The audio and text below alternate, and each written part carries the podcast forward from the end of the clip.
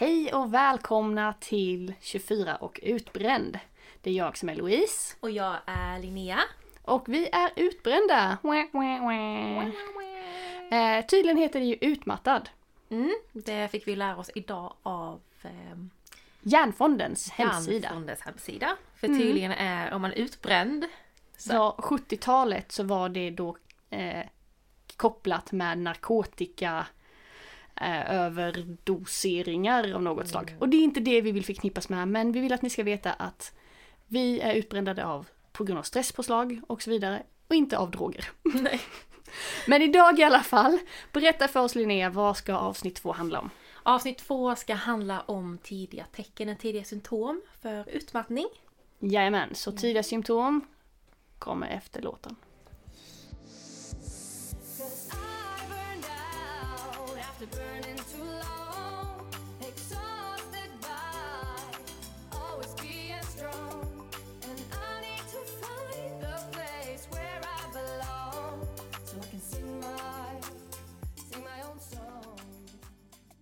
Ja, Ja, du är Nej. säker inte sjunga om eh, narkotika? nej, nej jag sjunger inte om narkotika där än i den här låten.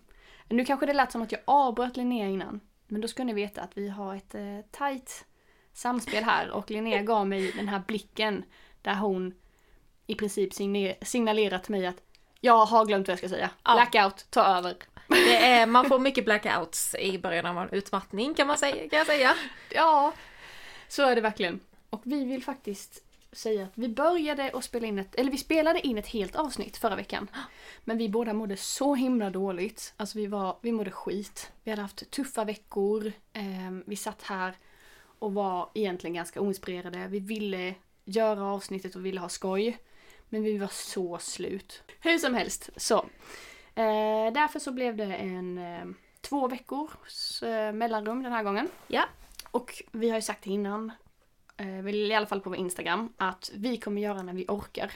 Ibland kanske det är en veckas mellanrum, ibland kanske det är tre. Allt beror på vad vi orkar och vi gör ju detta för det är eh, givande. Inte för att det finns någon vinst i det annars. Nej, det ska här ska ju vara roligt och ingen press eller stress på oss. Exakt, framförallt ska det inte kräva mer än det ger. Nej. Jag tänker vi vill också passa på att tack, tacka för all fin respons vi har fått från er.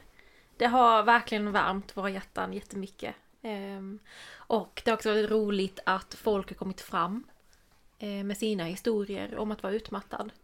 Det känns som att vi delar vår historia har lett till att folk öppnar upp sig mera. Och det är ju, Ja men det är jättefint. ja, Och det känns också bra att man kan få någon att känna sig mindre ensam. verkligen. Många som säger att de känner igen sig och vill verkligen höra nästa avsnitt. Mm. Och det är ju jättekul att vi då inte bara gör detta för oss själva, utan det finns fler som faktiskt vill höra. Ja, det var faktiskt jätteroligt. Det är ganska chockerande om man får säga så. Ja, men så jättestort tack! Ja. Eh, och sen så har även tidningen, vår lokaltidning, ringt. Eh, Smålänningen. Och eh, vill prata med oss och göra ett reportage om det. Så också tack till dem. Verkligen. Okej. så. Vi kommer att utgå lite från um, järnfonden.se. Mm. Och i förra, förra gången när vi spelade in så bara listade vi våra egna symptom som de var rakt upp och ner. Eh, Men vi vill istället utgå ifrån listade symptom som står på en säker källa. Mm. Så Linnea hittade Järnfonden eh, och jag tyckte det var väldigt bra val. Och vi ska börja med att läsa ett litet stycke ur Ja. järnfonden.se. Som vi båda tyckte var väldigt, väldigt bra och lärorikt. Gör. Eh, rubriken är Utbränd eller gått in i väggen. Vi reder ut begreppen. Tack Järnfonden. Att vara trött och stressad efter en tuff vecka på jobbet kan vara kämpigt nog. Och det har förmodligen de flesta drabbats av. Men att bli utbränd, gå in i väggen eller att drabbas av utmattningssyndrom är tvärtom ett sjukdomstillstånd som kan ta många år att repa sig ifrån. Så här ställs diagnosen utmattningssyndrom. Tidigare blandades utmattningssyndrom ihop ofta med depression. Men idag vet man att skillnaden är stor och att utbrändhet mer handlar om att hjärnan faktiskt lägger av. Och det vill vi betona. Verkligen. Det har verkligen en fysisk anledning eller ens fysisk symptom. Det handlar inte bara om känslor, det händer faktiskt saker och ting i kroppen. Man är inte bara lite ledsen Nej. och, och lat utan man får problem med kognitiva funktioner såsom minne, uppmärksamhet och koncentrationsförmåga. Mm. Det känner man igen. Det känner vi verkligen igen. Hjärnfonden berättar ju också att ehm, de här tidiga symptomen kommer ju oftast väldigt smygande. Eh, och man väljer ju att strunta i dem eller medicinera bort dem. Man tänker kanske beror på något annat. Man tänker kanske det är tillfälligt om man bara kör på. Det tror jag många tror. Ja. Det är tillfälligt. Ja, men jag har det här projektet. Jag måste Mm. bara hålla ut två veckor till. Och det kanske de gör. Och efter de två veckorna så kanske det hade blivit bättre om de fick återhämtning. Men många gånger så är det ett nytt projekt direkt. ja. Det tar aldrig slut. Det tar ju aldrig slut. Och till slut vill inte ens kroppen ta återhämtning. Nej, för då måste man känna efter. Ja. Och det, mina vänner, det är inte kul. Nej. Då väljer man istället att skita i det.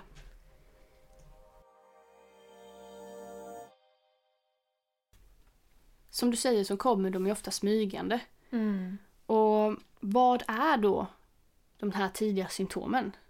Jag tror att de kan vara ganska olika och att de kan se olika ut för de flesta. För mig var det egentligen att någonting inte stod rätt till. Jag fick svårt att identifiera mina känslor och behov. Jag gav mig mer att göra för att slippa känna efter. För varje gång jag tog en paus så blev jag sjuk, jag mådde väldigt dåligt. Och jag satt ett år innan min sjukskrivning och frös hela tiden. Och då var ju fortfarande hjärnan ganska fungerande. Men den hade börjat sacka efter. Jag hade börjat få problem att förstå. Och då kan man jämföra det med vad de skriver här. Koncentrationssvårigheter eller minnesstörning. Jättestora problem har jag haft med det. Det känner jag igen mig också jättemycket i. Eh, speciellt nu när jag har studerat. Eh, som alla kanske inte vet, men jag studerade ju till eh, sjuksköterska. Och att plugga, eh, där märkte jag verkligen hur min koncentrationsförmåga blev sämre. Och mitt minne. Det påverkade plugget jättemycket. Ja, jag förstår verkligen att det måste varit jättetufft när man studerar. Och får problem med koncentrationen och minnet, för att det är ju väldigt viktigt. Mm. Kände du det också att dina känslor var mer labila eller att du var mer irriterad? Jag kände väl att jag hade lättare få ångest. Jag hade inte samma resistens mot stress längre. Ja, allting kom åt mig mycket mera än gjorde innan. Så det, det, det är... är jag ska vara helt ärlig, jag har nog alltid varit lite lättirriterad av mig generellt. Så jag vet inte om jag kan... ehm, Det har inte blivit värre. Nej. Okej. För mig kan jag säga att det blev mycket värre. Alltså jag har ganska så... Jag blir ganska snabbt så här, nej men nu gör vi detta, chop chop, dupp, dupp, dupp, dupp, dupp. Men just när jag höll på att bränna ut mig så blev jag också väldigt lätt ledsen. Mm. Det var någon kollega som skojade om någonting och jag tog det verkligen till mig och började, gick iväg och fick gråta. Och tänkte att det var en liksom personlig attack. Och det är jobbigt. ingenting jag någonsin har gjort innan. Alltså så har jag aldrig reagerat för. Ja, en jobbig känsla. Ja, och ändå tror inte jag det som ett tecken, för det fattar inte jag. Men samtidigt så var jag också mer lättirriterad. Mm. Alltså, min dåvarande pojkvän kunde inte göra någonting rätt. Helt ärligt, jag blev irriterad på allt. Så det, det är ett ganska tidigt tecken. Och det är också ett av ehm, kriterierna för en diagnos i utmattningssyndromen enligt Hjärnfonden då. Och det är irritabilitet. Eller känslomässig labilitet. Mm. Och det är kanske svårt att känna av. Ja, för är man i känslorna då är de jätteverkliga i själva stunden. Man tänker inte efter om man är extra känslig eller inte. Nej, men jag Mm. tänker också att det är ju verkliga känslor. Men man vet inte om det är så man hade reagerat annars. Men jag tror att om man tar en stund och verkligen försöker känna efter hur man mår Mm. eller titta tillbaka på situationen, då kanske man inser att hade jag reagerat så här annars? Exakt. Om man ställer den frågan till sig själv så kanske man får ett svar att nej, annars hade jag inte brytt mig. Varför bryr jag mig nu? Mm. Det kan vara något annat bakom. Mm. En annan sak som står här Linnea. Det är ju påtaglig nedsatt förmåga att hantera krav eller göra saker under tidspress. Hur kände du det? Gud, jag var hade alltid tidspress på mig.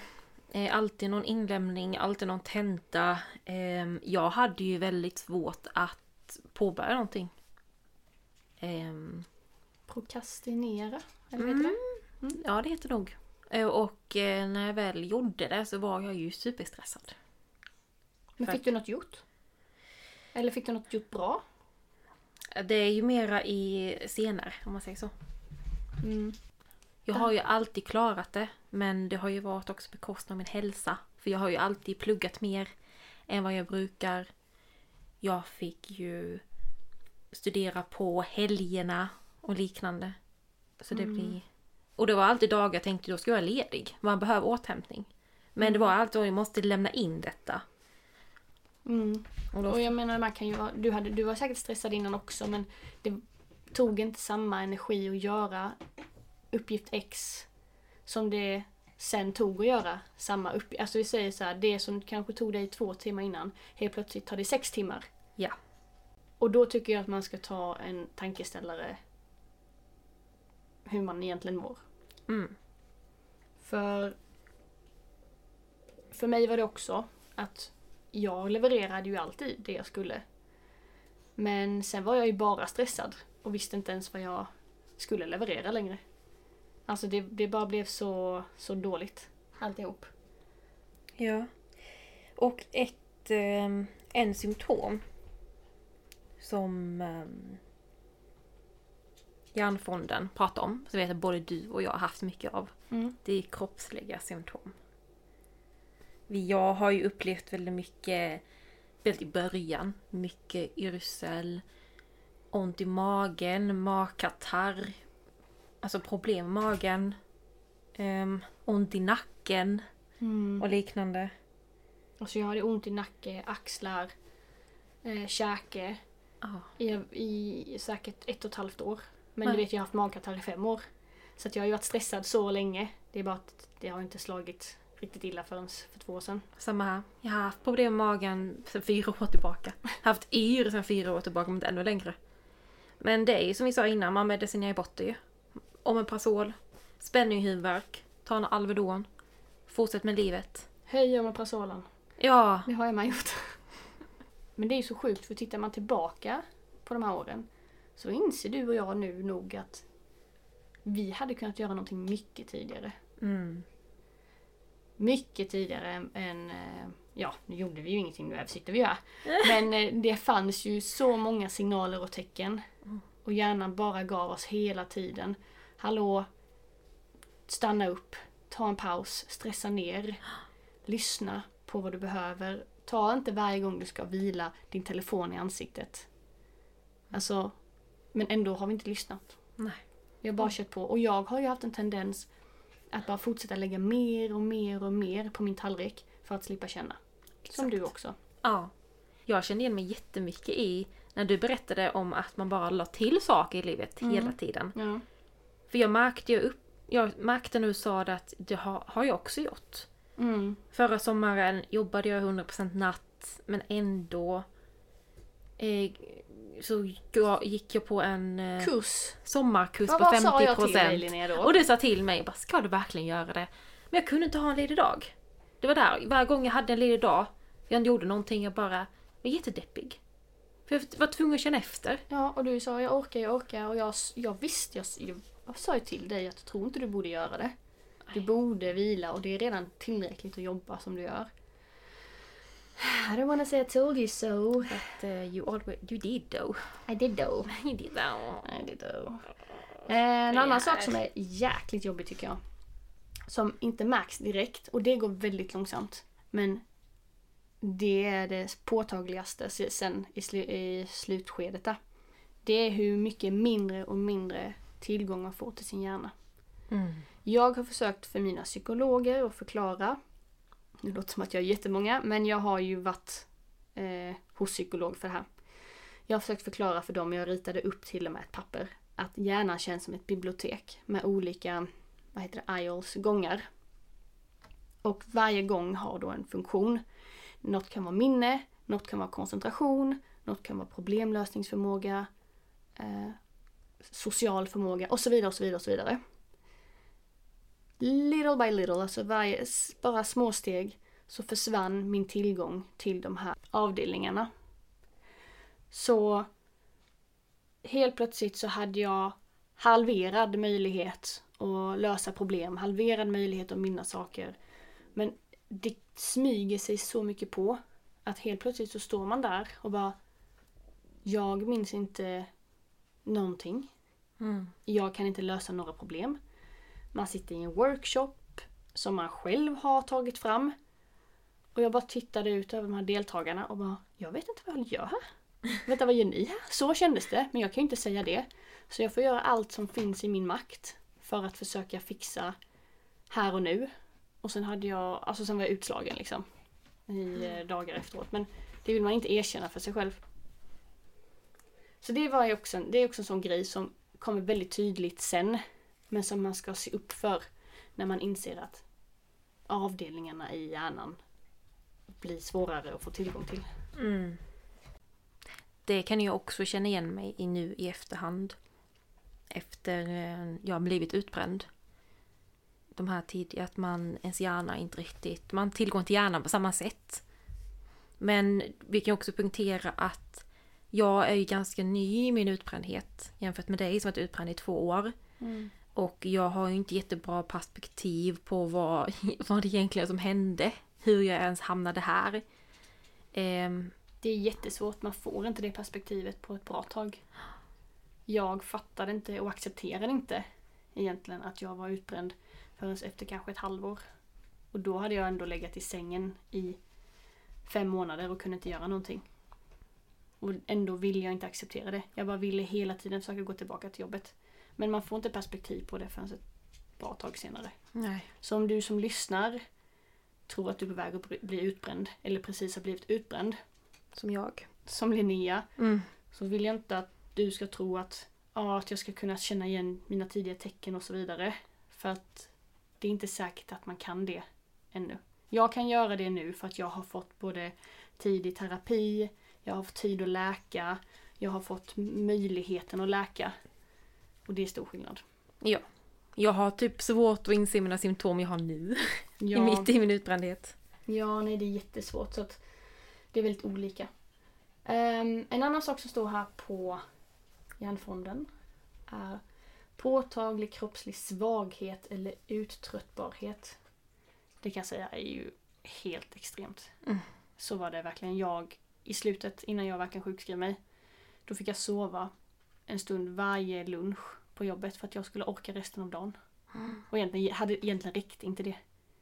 Men eh, ja, jag var tvungen att göra det. Och när jag väl sjukskrev mig så sov jag i princip i fem månader. Jag gick upp, åt, så, alltså och duschade någon gång, typ så. Men jag, jag klarade inte att göra mycket. Jag gick knappt utanför huset i början. Det, det, det är så hemskt. Jag kände igen mig väldigt mycket i det med min eh, träning. Hel, inte helt plötsligt men det var flera veckor då jag inte kunde träna. Jag gick till, jag gick till gymmet men så fort jag ansträngde mig. Det var som, jag hade ingen energi. Jag skulle känna som jag skulle svimma. Jag blev helt yr. Jag kunde göra liksom två squats. Och inte så att jag blir trött av det utan det är bara att min kropp bara la av. Mm. Och jag bara tänkte, ja, som, som vi sa innan, det är bara något tillfälligt. Jag är bara trött idag. Jag har ätit dåligt. Man har alltid ursäkter. Mm. Men om kroppen säger ifrån så måste man ju lyssna Mm. innan det går för långt. Eh, och jag kan säga nu när jag har varit sjukskriven i två år. Jag är fortfarande väldigt kroppsligt svag. Till exempel om jag bär någonting som är tungt. Eh, då kan jag behöva återhämta mig för det i flera dagar. Sen en annan sak. Linnea, jag vet inte hur du kände för ljud och ljus. Ja, ehm, jag märkte att jag var tvungen att ha solglasögon. Mer än jag hade innan. Mm. Och att jag inte klarade av högljudda sammankomster som jag gjorde innan. Typ när man har jul, midsommar, där barn går runt och leker och skriker. Jag har aldrig brytt mig om det innan men helt plötsligt var det jättejobbigt. Mm, nej, samma här. Eh, jag kunde inte sitta på restaurang längre och detta var ändå en bra bit innan jag sjukskrev mig. Men känner man då att ljud blir för överväldigande, ljus är starkare än vanligt, då är det också en grej att tänka på. Eh, Mm. Och lyssna på kroppen att någonting är fel. Ja, är jag för stressad? För att man får tunnare hud. Mm. Och när, ju tunnare den blir, alltså nu, nu är det en metafor, man får inte på riktigt tunnare hud. Men mental hud. Och ju tunnare det blir, eh, desto mindre klarar man av. Man kan inte ha det här filtret som annars filtrerar ut de här höga ljuden eller de väldigt starka lyserna eller de springande skrikande barnen. Utan Mm. det blir bara, allting hamnar rakt på en. Det, Man vet inte om man ska av sig själv riktigt. Det bara blev åh vad jobbigt allting är just nu. och så vill man typ skrika. Ja, Men man kan inte gärna göra det på julafton. Bara för att barnen har lite kul. Ja, men, ja men lite så. Usch, usch, det är så hemskt. Åh nej, alltså jag saknar verkligen inte den här känslan när jag höll på att bränna ut mig och inte fattade någonting. Nu förstår jag ju i alla fall. Och nu har jag i alla fall lärt mig att liksom... Ja men jag vet att det här är ingenting jag klarar av och de i min omgivning har lärt sig att jag inte klarar av det. Mm. Men i början är det så jobbigt. När alla är så vana vid att man pallar så mycket. För utbrändhet drabbar ju ofta starka individer som bara kör, kör, kör, kör, kör. Mm. Och som har väldigt mycket kapacitet och som inte tar den här pausen som skulle behövas. För de är liksom inte vana vid att det finns något tak. Jag märker att du är ju oftast mycket klippa för folk. Och det är för att du vill hjälpa folk. Du vill ju vara där och du har varit där. Ehm, så folk vänder sig oftast till dig. Och det är ju... Det är påfrestande. Att vara allas klippor. Ja, och jag har ju alltid haft en fasad utåt om att allting är bra och jag mår bra. Mm. Och, ehm, och det är ju liksom nog för andras skull men också för min egen skull. Man vill inte vara någons börda men jag tar gärna på mig andras problem. Mm. Eh, och så slipper jag tänka på mina. Lite så. Så det är väl lite det som är typiskt också. Mm. Och en sak jag också när jag tänker efter på, det är ju det här med det sociala livet. Mm. Det kände jag igen mig jättemycket. Jag valde ju bort allting som var roligt. Eller det som var roligt blev inte roligt helt plötsligt. Jag bortprioriterade att umgås med min familj och folk jag tyckte om, mina vänner. Ja. Prioriterade bort vila, återhämtning. Mycket. Och så. ehm, det påverkar ju också kärleksrelationer. En sexlust är ju inte heller på topp som det var innan. Alltså, den blir ju mindre och mindre och mindre hela tiden. Ja, När man håller på att bränna ut sig. verkligen. Och man tänker, är det åldern? Bara, men jag är ju bara 23. Men samtidigt. åldern? oh my Man, god. man, jag, tänker, jag tänker, man är inte tonåring längre. Liksom 16, det är skillnad på sexlusten när man var 16 nu exempelvis. Men Är det? Eller? för mig i alla fall. Ja, jag vet när jag var utbränd, eller när jag var, jag var ju utbränd men när det var som värst första året efter min sjukskrivning. Alltså det fanns ingenting i världen som kunde få mig att tänka på sex. Nej alltså, ingenting. Och Nej. vägen till utbränningen blev det också mycket mindre. Ehm, så det är tråkigt. Men det är ett symptom. Mm. Mm, Det är ett tecken. Så håll utkik. Vill du inte ligga, gå till doktor... Eh, jag vet inte, jag skulle rimma men jag kunde inte komma på något. Eh, en annan sak du har skrivit Eller Linnea. psykolog. Ja, eller psykolog. En annan sak du har skrivit Linnea som var asbra. 100% säger jag bara. Ångesten ökat. Nu lider ju både du och jag av ångest sen innan. Vilket Mm. också, vill vi poängtera, kan öka risken för utmattning. Ångest och depression. Jag har haft depression i omgångar. Det har jag med. Okej, det har du med. Mm. Så. Sådana är våra liv. Hur ditt? Nej, men eh, vi har haft detta och det ökar ju risken för utmattning. Men när vi höll på att bränna ut oss så blev ångesten värre och värre. Och det blev också som du säger att man tenderade att ta mer och mer ja, men ta medicin mot huvudvärken och alla fysiska symptom. Men sen då att man lägger mer på tallriken för att bli av med känslorna och hela tiden. Jag började studera mitt i min, när jag började må som sämst. Mm. Jag tänkte så här, Det kommer jag ihåg. Jag tänkte så här, jag, jag klarar inte av mitt jobb längre för att jag ehm, hänger inte med på vad som händer längre. Och det är egentligen inte för att jag inte kunde mitt jobb. Men det var ju för att jag var helt jäkla slut i huvudet. Eh, och varför ska vi ha ett annat avsnitt om sen. Mm. Men då tänkte jag istället, okej men om jag studerar någonting om det här, då kanske jag får mer kött på benen och så blir det lättare. Men istället var ju det bara en flykt. Så nu hade jag både stressigt på dagen på jobbet och sen kom jag hem och kunde plugga också och slapp tänka på hur jag mådde. Det var ju exakt samma tankesätt som jag hade när jag pluggade. För jag pluggade ju akademiskt skrivande på sommaren. För det är ju väldigt mycket sånt skrivande på um, universitet. Och du gjorde det för att förenkla det för dig själv, Ja, eller hur? Det var det jag var ju en tänkte. god tanke. Men det blev ju... Ja, En det blev flykt. inte bra. Det blev en flykt. Jag kunde inte, jag kunde inte ta och vila, ta det lugnt. Mm. För då kom ju ångesten och de dåliga tankarna i fatten. Ja, och det, alltså, det hade man ju inte utrymme för. Nej, Det- man var helt upptagen, man var ju upptagen för det. Då hade jag bränt ut mig då. Alltså om jag hade gett mig själv utrymme då. Men å andra sidan hade jag kanske varit frisk nu. Ja. Om jag hade inte kört, kört, kört, kört in i the, into the bitter end. Det är lätt att vara efterklok, Det är rätt rätt. som man säger. Vad står det med i listan som du har där från dem? Sämre återhämtningsförmåga. Du återhämtar inte lika snabbt som du brukar. Hur mycket den vilar. Det är svårt att ladda om batterierna. Att man är inte bara fysiskt trött, man är ju mentalt och emotionellt trött. Jag tror du sa det i början, men vi kan bara säga det igen. Vi har ju väldigt dåligt minne så vi kanske säger Ja. oss. Det är ju tecken, minnet. Men, men det är ju det här med att du kan gå och vila och sova på, på natten.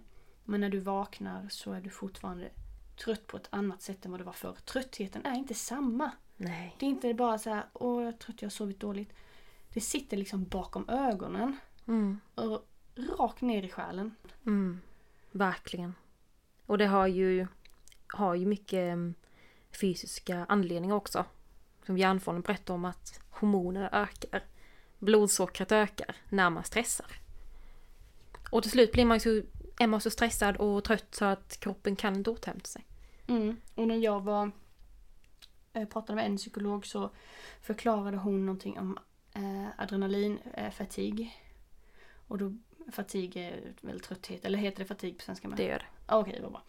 Ehm, så hon berättade det här med att har man varit ah, stressad länge så har man ju haft högt adrenalin länge. Man är alltid uppe i varv. Typ när jag skulle lägga mig så slog mitt hjärta i hundra. Det kan det fortfarande göra ibland. För att jag har haft en spännande dag eller för att jag tänker på saker. Men mitt hjärta rusar liksom. Och när man har haft det länge så helt plötsligt så kross, alltså vad heter det? Det bara rakt ner, Kraschar. Ja, kraschar. Och tröttheten då. Den, det finns ju ingenting som kan få igång adrenalinet där längre. Men det är ju också bara en liten grej som påverkar. Men det här med adrenalin och kortisol borde vi prata om i något avsnitt. Det borde vi faktiskt. Ja, men det gör vi. Men en t- eh, tanke jag hade, för jag vet du också sagt detta till mig innan. Eh, jag sa ju ofta till min pojkvän alltså varje dag, eh, långt innan jag sjukskrev mig. Ja. Bara jag, jag känner mig konstig, jag mår dåligt men jag vet inte, det är bara konstig känsla i kroppen. Att någonting står fel till. Ja. Någonting är konstigt. Ja. Det går inte att beskriva. Han bara, vad är det som är konstigt? Det är bara, det är bara konstigt. Jag mår inte bra, det är bara konstig känsla. Mm. Jag kommer ihåg också att jag sa så här till dig alltid. Jag har inte tillgång till min hjärna. Mm, Och du fattade inte det förrän du brände ut dig. exakt. Verkligen. Det var... Jag fattar ju, jag försökte förstå vad du menade, men jag fattar ju inte riktigt vad du menade förrän jag själv upplevde. Och tyvärr är det ju så väldigt mycket. Ja, alltså hjärnan blir ju typ inplastad i bubbelplast. Och allt som försöker nå in i hjärnan bara studsar rakt bort. Hjärnan skyddar ju en.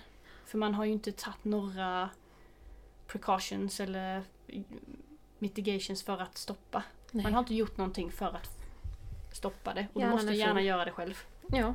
För mig kändes det som att min hjärna bara var tom. Och ingenting gick in i det.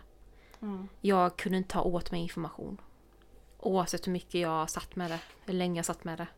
Det finns ett uttryck eh, Lampan är tänd men ingen är hemma. Exakt, lite så. Så kändes det för mig. Men eh, tillbaka till den här analoga med biblioteket så kändes det för mig som att alla som jobbade i de här avdelningarna, de låg och sov. så att jag fick liksom inte de var helt slut. Och alla böcker på hyllan som brukade vara där var borta. Alltså vet jag, jag älskar att vi har så olika sätt att beskriva det på. Samma symptom men vi skriver det så olika sätt. Du Ja. beskriver som bibliotek. Jag bara beskriver som ett tomt utrymme. Ja, men det tog också tid att sätta en metafor för mig som made sense att förklara. Ja. För mig kändes det också bara tomt. Så kanske att du kommer på en jättebra metafor längre fram. Ja, kanske. Och då, för då måste du berätta den. Absolut. Så kortfattat. Eh, tidiga symptom. Mm. Du börjar må ganska konstigt, du börjar må skit, du blir lätt sjuk, eh, saker går ut för. Du kanske lägger mer på tallriken än vad du egentligen har möjlighet att göra. Du känner inte efter, du stannar inte upp för när du gör det så känns det inte bra. Mm. Eh, Dålig sömn, dålig koncentration, sämre minne, kanske svårt att sova, svårt att vakna, alltid trött. magkatarr, huvudvärk. Spända axlar, spänd nacke, spänd käke. Alltså det är sjukt hur mycket ut- stress kan påverka kroppen. Alltså, Irriterad. irriterad. Men det är ganska sjukt hur mycket ut- stress kan påverka kroppen så här mycket. Stress förstör en. Det är sinnessjukt. Har du de här sakerna så vill jag bara säga att du kan behöva gå till en läkare eller psykolog. Men du behöver framför allt titta över din vardag och se vad du kan plocka bort, inte lägga till. Mm. Men återhämtning ska vi prata om i ett annat avsnitt. Ja, det ska bli roligt. Kan inte du berätta om Hjärnfonden nu? Ja, eh, gärna in på hjärnfonden.se och läs på lite mera om du tycker det var intressant. Eh, och om ni har möjlighet så donera lite pengar. 10 kronor, 100 lapp. För vi ska ju starta en insamling till Mm. Hjärnfonden. Och pengarna blir riktade till stressrelaterad ohälsa. Mm. Om det är det vi önskar. Och det är ju det vi vill. Så vi kommer välja det. Nej, vi har pratat med Hjärnfonden också. Eh, och de, eh, Har gett oss sin länk. de ger till sin länk. Så vi ska skapa den och eh, kommer den finnas på vår Instagram-sida. Förhoppningsvis. Och, Och där kan ni donera. Om Ja. ni kan. Om ni kan. Och vad heter vår Instagram? 24 och utbränd. Jajamän. Ja. Och vår mail får du också gärna skriva till om du vill. Det är 24 och med OCH utbrand at gmail.com. Ja, och där ska ni skriva frågor, synpunkter, vad ni vill. Berättelser. Ja, Känner ni igen er? Ni kommer alltid vara anonyma. Vi Mm. kommer aldrig ta med era namn. Skickar ni respons till oss så blir vi jättetacksamma och om vi vill lägga ut den kommer vi alltid fråga men vi kommer aldrig ta med era namn. nej. Ni kommer alltid vara anonyma hos oss. Och sen vill vi bara avsluta med att säga vi är inga läkare, vi är inga psykologer. Nej. Så allting vi pratar om är egna erfarenheter Mm. and internet. Så, vad bra. Ja. Hoppas att det varit ett given avsnitt. Eh, gick- många tidiga symptom. Det gick bättre denna gången. Ja, förlåt men alltså förra gången vi var helt, helt Alltså, utslagna. Ni vill inte ens lyssna på det avsnittet alltså. Ni kommer somna. Om ni vill ha någonting att somna till så absolut skicka till er. Nej men vi hade inte ens roligt. Nej. Förlåt. men, men det är så här viktigt för oss att vi vill göra detta ehm, till en rolig grej. Mm. Så nu lärde vi oss, vilket man gör hela tiden, man lär sig, Absolut. att vi ska inte podda när vi mår dåligt. Vi ska inte pressa oss till det. För det blir inte bra. Så ta hand om er, eh, lyssna på kroppen, ta bort saker, lägg inte till saker. Mm. Mm. Så önskar vi er en trevlig dag, en trevlig helg eller trevlig när du än lyssnar Ja. på det här. Så tack för att ni lyssnade. Bye. Bye.